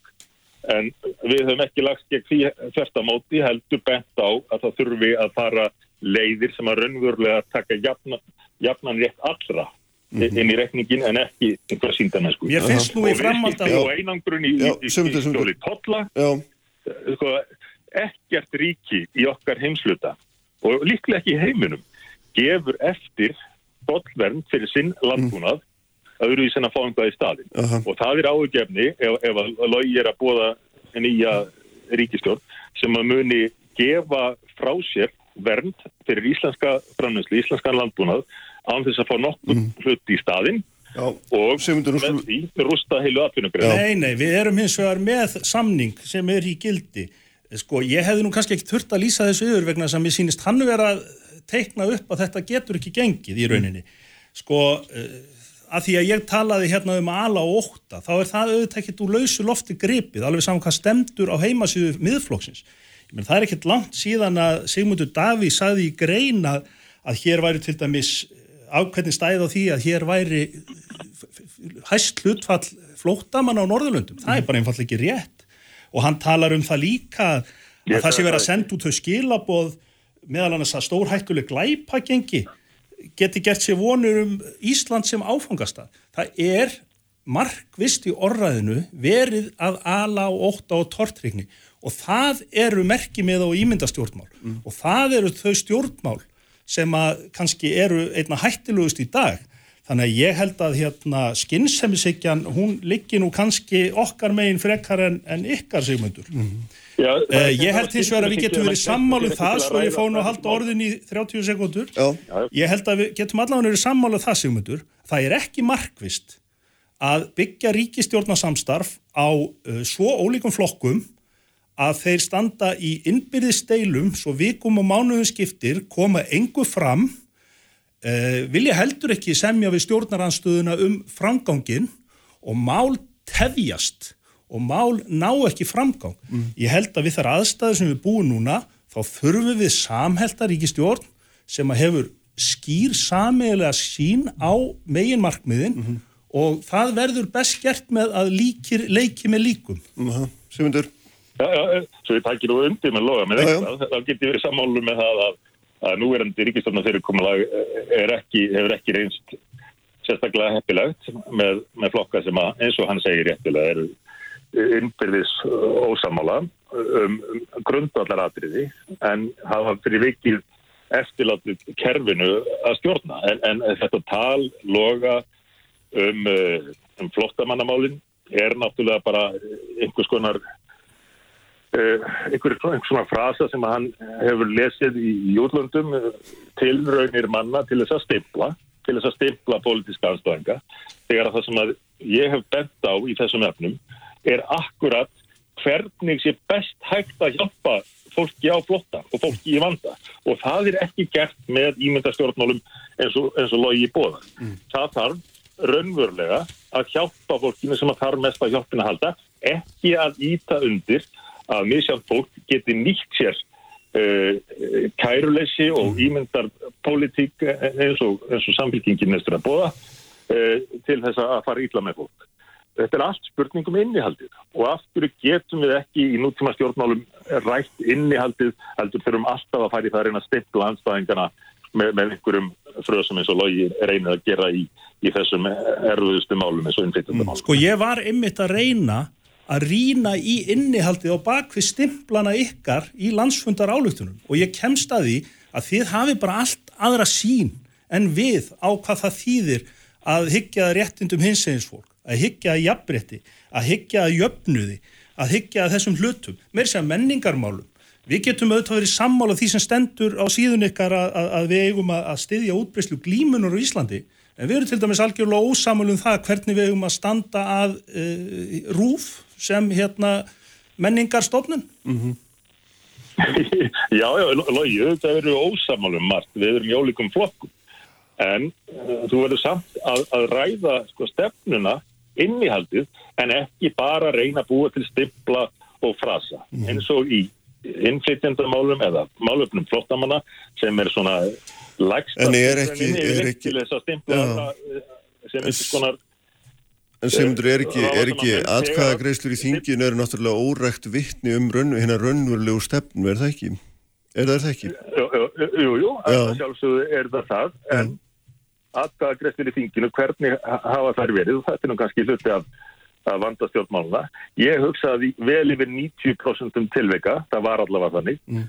séu allir flokkar uh, grænir, allir flokkar sammála um mál. Og þetta er uh, þetta kann að- hljóma vel, en, en þetta er samt ákveði vandamál, þessi þessi hóphugsun sem að hefur orðið ríkjandi í, í stjórnmálunum og hefur þau áhrif að kjósundur fá ekki það sem þeir vilja. Ástæðin fyrir því að mörg mál enda 63 á grænu eru þetta að sem betur fyrir getum við stundum unnið uh, saman á jákvæðan hátt og mjakað hlutum í átt að einhvers konar uh, samnefnara. Hins vegar, þegar maður horfir á ræðurnar, les greinarnar og skoðar atkvæðagreislunar, þá sér maður í rauninni innihaldið á bakvið stimplana og ég get tekið undir gríðalega margt af því sem að er til dæmis í landsfundarsamþykti ykkar frá 2018 en þegar að ég læt það svo rýma með hvernig þið hafi talað, hvernig þið hafi skrifað og hvernig þið hafi greitt atkvæði þá sé ég að það byrtist allt önnu leið og allt önnu sín á þessi málefni heldur við höfum. Og þú varst að draga nokkur ágætti stæmi upp um það áðan sem þýðir að við ættum bara frekar að saminast um að geta unnið að góðum málum saman þegar þá við en að skilja það báðir að við tveir saman við ríkistjórnaborð, það er bísna langsótt hugmynd. Já, já, ég, ég ger ekki ágreining um það, en, en, en þessi mál sem við höfum verið að ræða, uh, við erum kannski meira sammálum markmiðin uh, heldur en þú vilt vera að láta, en við erum líklega ísna ósamála um aðferðirnar. Og ef að líðræðið á að virka, ef að við eigum að finna bestu lausnindar, það er hljótt við að geta rætt markmiðin í stað þess að, að útiloka alla sem að vilja leggja til betri lausnir. Ég ég- ég- ég vil bara- eins og til að mynda, eins og til að mynda í þessum málum sem að þú hefur verið að ræðum, umhverfismálum, málum um hælisleitanda, þá eru þær aðferðir sem að sem hafa verið undanförnum, þær er ekki að virka og því þá ekki að ræða það, hvað gæti raunverulega virka til að hjálpa fólki, til að verða náttúruna. Ég vil bara einfallega ekki tala um og nota orðið útilokun. Uh, mér finnst bara atkvæði hvers einstaklings vera dýrmætt og ég vil og bregðast í rauninni við gaggrinni sem hefur verið í ár og ára tíu hér á Íslandi að fólk viti raunverulega hvers konar framtíð það er að velja sér þegar það greiðir atkvæði kostningum. Um, þetta, Já. um það snýst þetta. Já, og, og mér finnst þetta mjög hefðilegt að logi að segja að þú sérst að bóða eins og ég skilða og þú leðir þetta með ef að þetta er, er rangu skilningur hjá mér að með stuðningi við samfélkinguna þá eigum við von á Reykjavíkurstjórn í landsmálunum. Þú mátt kalla það sem þú vilt, ég er að bóða það að samfélkingin vill gjarnan mynda ríkistjórn frá miðju og í átt að félagsíkjuflokkonum og á sviðinu eru bara nægir leikendur fyrir mig til þess að geta sagt ég tel ekki málefnulegan grundvöld til þess að, að vinna með öllum flokkonum En, vinni. en, en hvað er á miðjana komin í þetta hjá þið logi? Því að samfélkingin er farin til vinstri við Vafki og allir gömlu, góðu, tröstu kratarnir, borgarlega sinnaða fólkið, það er bara að hverfa er af sjónasviðinu hjá samfélkingun. Það er auðvitað ekki rétt sko og ég meina það er tölur fjarlægt sko frá ysta hægrin og hægra með við sjálfstæðarslokkin þannig að það er ekki víst þú sjáir yfir þá hæð. Heyrðu, við komumst held í, eh, hvað segir Sigmundur? Já, já, Já. stimpil, stimpil, en, en raunin er svo Þið að stimpli hvort annan alveg grimt. við tölum fyrst og fremst fyrir skynnsemishyggju Já. því að gera það sem er skynsamlegt og rétt og vísendalega rétt þar með talið Já, fremur en að innbeta okkur að, að stimplum eða út til okkur heyrðu, ég held við hérna, Herðu, hvað ertu? ég, Já. eh, nú er ég komin hérna í, í biskupstungunar tungunar og, og sitt eh, undir uh, sítrónutri Já, herðu, bestu hverjur. íslenska sítrónur Það er hýtt á Íslandi. íslenska sítrónur, það er hérna, það er gott að heyra Sigmundur. Takk fyrir að vera með okkur og hérna, við, við sáum hvernig þessi vindur öllu fram, takk fyrir að koma logi og hérna Kristján Gæi Bördís verður hér hjá mér eftir augnablík við ætlum þá að veltaði fyrir okkur hvort að arfleð Trumps í svona alþjóðamálum sé einhver liti varanlega eða ekki Sprengisandur, alla sunnudaga á bylgjunni. Kristján Kristjánsson á Sprengisandi á bylgjunni. Með þér alla daga. Bylgja. Sprengisandur, alla sunnudaga á bylgjunni. Sæli hlustendur, þá eru þeir farnir Hámil og Einarsson sem hér var og Sigmundur Davíð Gunnlaugsson úr símanum eftir að við reyndum að varpa ljósi á, á svona þann meiningamun sem þarna er á, á milli skoðanamun sem er á milli þessar að takja flokka og hann dróst nú svona alveg þokkarlega held ég skýr fram í þessum skorunar og samtali. Nú ég saði hér upp að þáttar að ég ætlaði að hafa svona, eh, svona bandaríkja tón í þættinum daldið og hérna það var nú sannlega við hér um síðast efni Kristján Gæi Börgis sem er sérfræðingur í alþjóðamálum er sestur hjá mér, góðu gestur hér oft sælublessar, velkomin sko hérna núna eftir þrjá daga þá verða valdaskipt í bandaríkunum og þetta búið að tala mikið um það en svona það sem ég langaði að reyna að, að, fara með þér var að velta þess fyrir mér sko, fyrir okkur sko, hvað maður að kalla það, ekki varanlegum það er alltaf stort orð en svona hugsanlegum áhrifum Trumps í alþjóðamálum og, mm. og líka á bara auðvitaðingstefnu þjóða, smára þjóða eins og okkar til dæmis mm -hmm. hvort þau verið einhver eða hvort þetta hefði bara verið bóla sem að sem að hérna eða bladra sem að lofti fer úr sko þegar maður fyrir að lesa um þetta þá erum við nú alls ekki á eitt sáttur sko sumið telja að Trump hafi sko sem sagt hann hafi raun og verið afhjúpað með svona ákveðnum svona hætti uh, margir segja bara innfældningslegum hætti svo margar veilur í auðvitaðningstefnu bandaríkina sem menn hafi bara trúa blind á undanfarnar áratu og hafi neitað eitthvað inn að horfast í augu og það sé hinn stóra arfleðans í, í alþjóðamálum. Mm -hmm. ef ég varpa þessu svona opið bara til þín. Já, sko, það, ég er ekki vissum að við leysum þetta alveg á, á þeim tíma sem við höfum nei, en, nei, nei. en það sem að eitna, e, þegar Trump kemur þá er þetta, þetta áhrifavald bandaríkjana sem að hafði verið alveg e, síðustu 80 árin frá, frá því að e, setni heimsverðildin var þá það byrjaði að dvína og við sáum það þegar að e, Obama setti rauðulínunar í sandin í, í Sýrlandi og fylgdi þeim síðan ekki eftir þegar að rússar seilast inn á Krímskaga og síðan í austur Úkrænu að, að þetta yfir gnæfandi afl sem að bandaríkinu höfðu á alþjóðamálinn þá var byrjað að, að gefa eftir. E, en, en þetta áhrifavald eða þetta vald bandaríkjana er á svo mörgum sviðum volduðast að herrveldið, mm -hmm. stæsta efnahagsveldið en síðan uh, hefur það leitt sem fyrirmynd annara ríkja á svo mörgum sviðum, það hefur dreift hann út menningu, það hefur haft áhrifavald og síðan hefur það verið í fórustu í alþjóðastofnunum. Mm -hmm. Það sem að var einna vest af því sem að Trump gerir þegar hann kemur, þegar kemur á auðaríkismálum, þá er það annars að það að, að, að hann eða afsala sér þessu, uh, þessu fórustu hlutverkinnan alþjóðastofnana mm -hmm. og, og þá standa þær eftir í, í töluröðu vakomi. Hitt sem er, er mjög uh, alvarlegt og, og við höfum eftir að sjá hvernig vinst, vinst framþæðaran færir til hlýðar öll mörg. Hvað er leifilegt, hvað, hvað má þeirra kemur á samskiptum millir þjóða, hvernig, hvernig þjóðir beita sér, sér liðræðislega.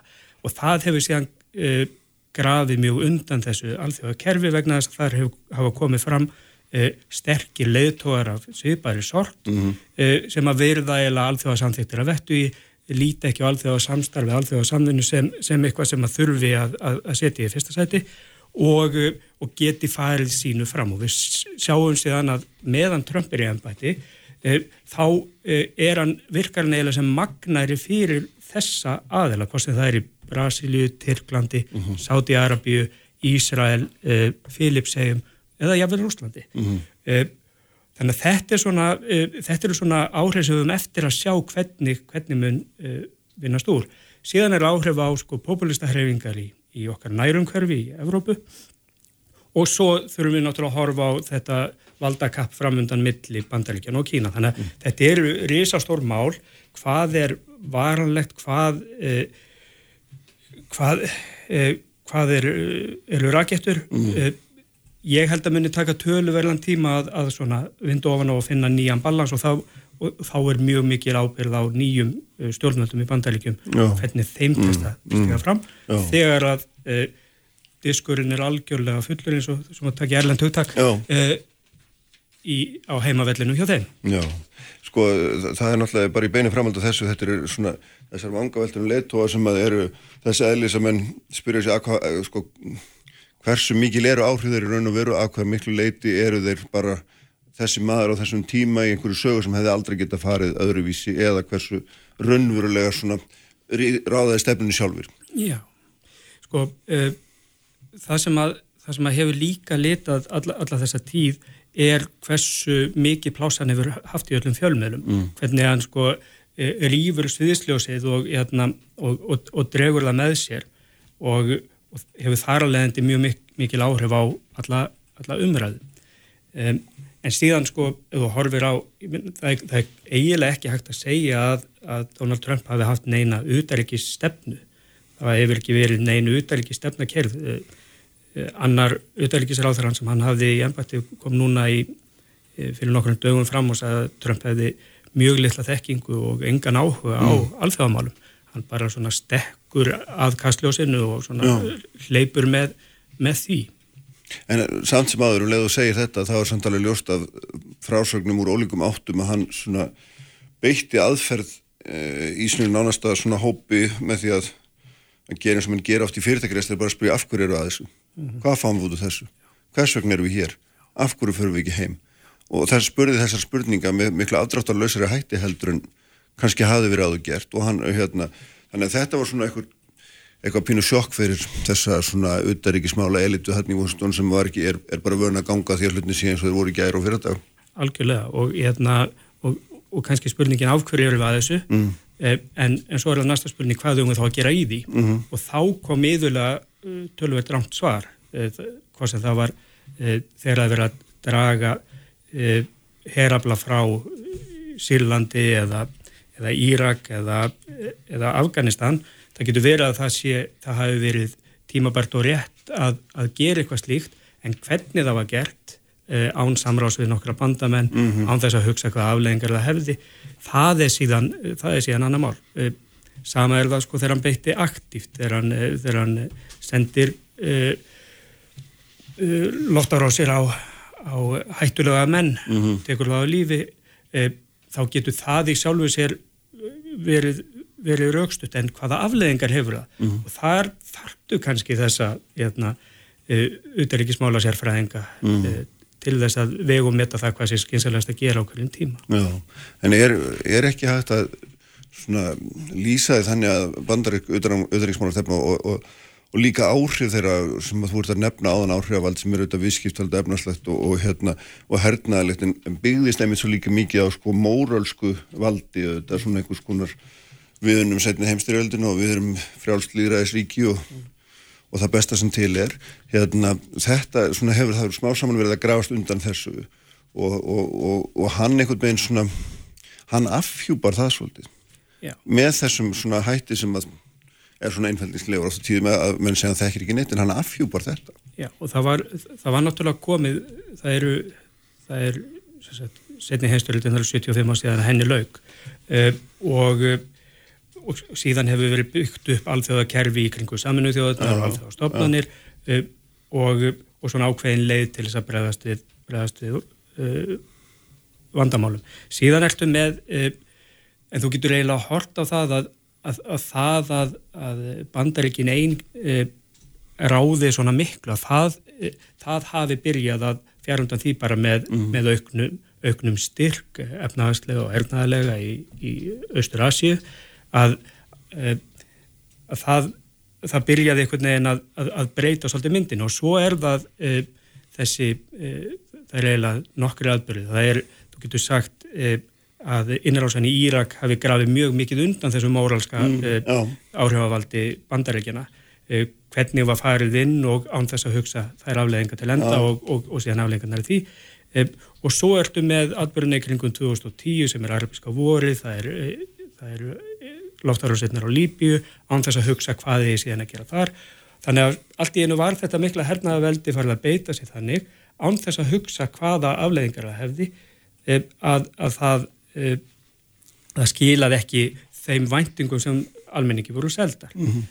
Og svo erum við með efnahagskerfið og, og keppni milli, milli eh, svæða, milli ríkja kreppuna eftir, eftir efnaðarsrunni 2008 og hvernig átt að vinna úr því og allt í einu uh, kemur högt í alþjóða væðinguna. Alþjóða væðingin sem hafði kert okkur áfram alla, alla síðustu öld og inn í, inn í þessa mm. sem að var hægt að líta á að væri bara eilíft, uh, á eilífri uppseflu. En það sést síðan þarna um, fyrir tíu árið síðan að það er ekki það sem gerist.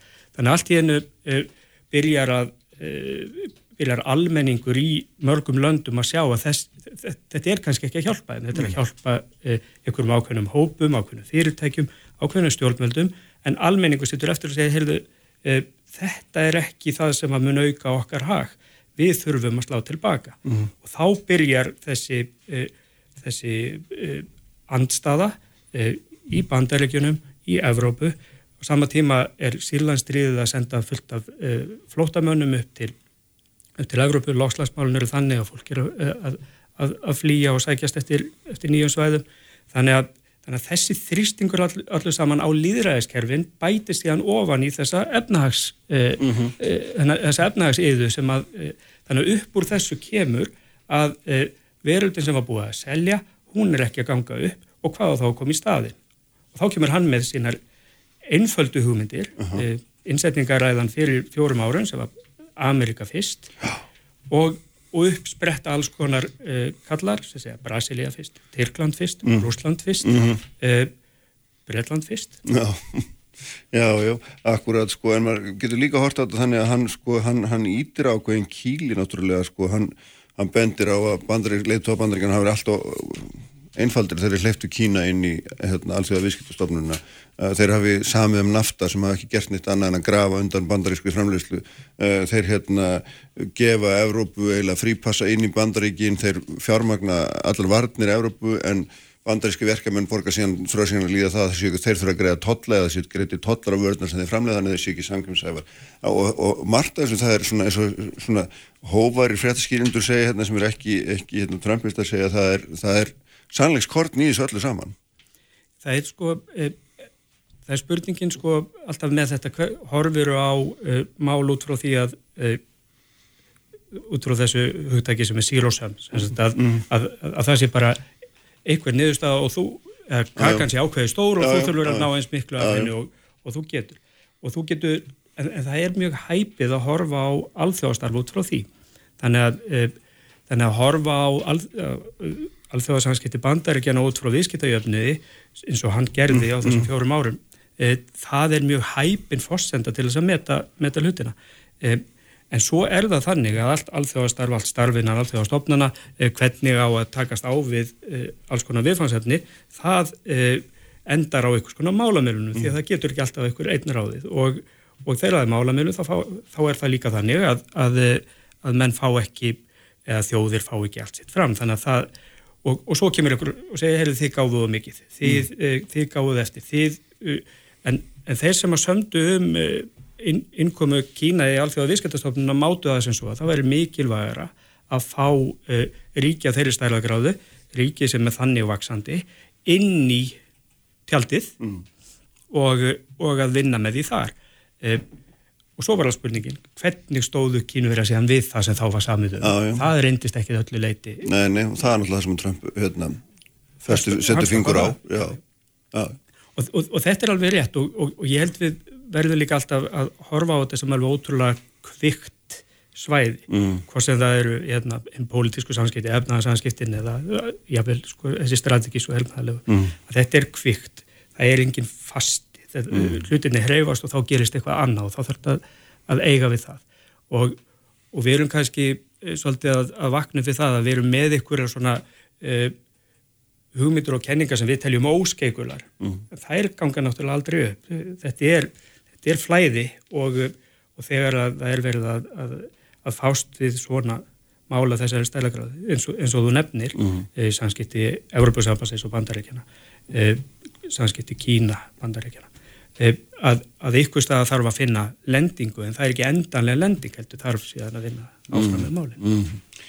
Sko það sem er svona ég, ég var að reyna að fiska eftir daldi svona upphafi valdandíman Trump og sérstaklega þegar hann var svona hvað mest afgerandi mitt í að segja sig út úr alltíðastofnunum og svona fór fram með miklum gassagangi og gekk út af NATO-fundum og, og fór upp í flugulun og tvítaði þaðan einhverjum niðurstöðum sínum og svo framvegs þetta var svona öndaleg framkoma. Og þá var maður svona velt, mikið að velta fyrir sig hvort að við sjálf íslendingar þyrtum ekki eitthvað að endur skoða okkar eigin utanrikstefnu í ljósi þess að bandaríkjum virtust vera komnir eitthvað allt annað en menn svona sögðu mér að það var skynselt að býða mannin af sér og ég maður svona velti fyrir sér, ég minna ef hann hefði náðu kjöri, það fekk nú yfir 70 miljónur atkvæða sko, Já. hvort að það hefði það verið skynselt að býða áfram eða hvernig, þú veist svona Ég hugsa að þetta alþjóðakerfi sem við höfum byggt upp síðan mm. senni heimsveröldin var og jafnvel hérna, þá lengra aftur mm.